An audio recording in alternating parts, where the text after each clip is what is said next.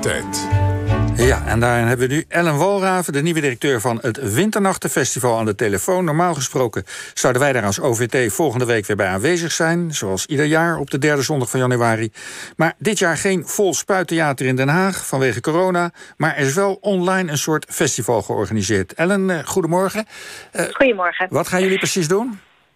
Uh, ja, wij gaan vijf avonden van woensdag de 13e tot en met volgende week zondag uh, live vanuit het Theater aan het Spui elke avond een ander programma brengen. Dat steeds ongeveer vijf kwartier duurt vanaf half negen. Dus we hebben gekozen voor goed gecureerde programma's met een duidelijk thema.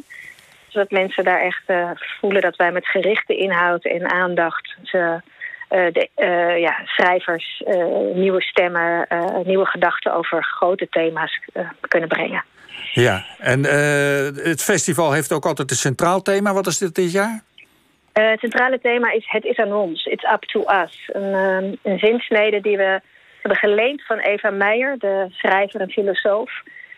Die op een gegeven moment zei, het is niet meer het is aan jou, maar het moet aan ons zijn. Je moet een collectief zijn, je moet inclusief denken. En dat sloot heel erg aan bij de gedachten die er in de redactie leefden. En het leidde meteen weer tot nieuwe vragen van het is aan ons, maar aan, over welke ons hebben we het dan? En is het altijd wel aan ons? En het ons impliceert ook een ander of een zij. Dus nou, genoeg voer om, uh, met, met, uh, met schrijvers weer over in gesprek te gaan... en, en aan te sluiten bij de, de, ja, de bewegingen die je op dit moment in deze tijd voelt. Ja, geef eens een voorbeeld van wat jullie dan met dat thema doen.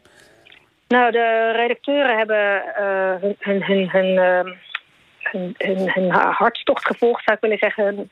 En sommigen zijn druk bezig met klimaatactivisme of klimaatonverschilligheid, uh, onrechtvaardigheid.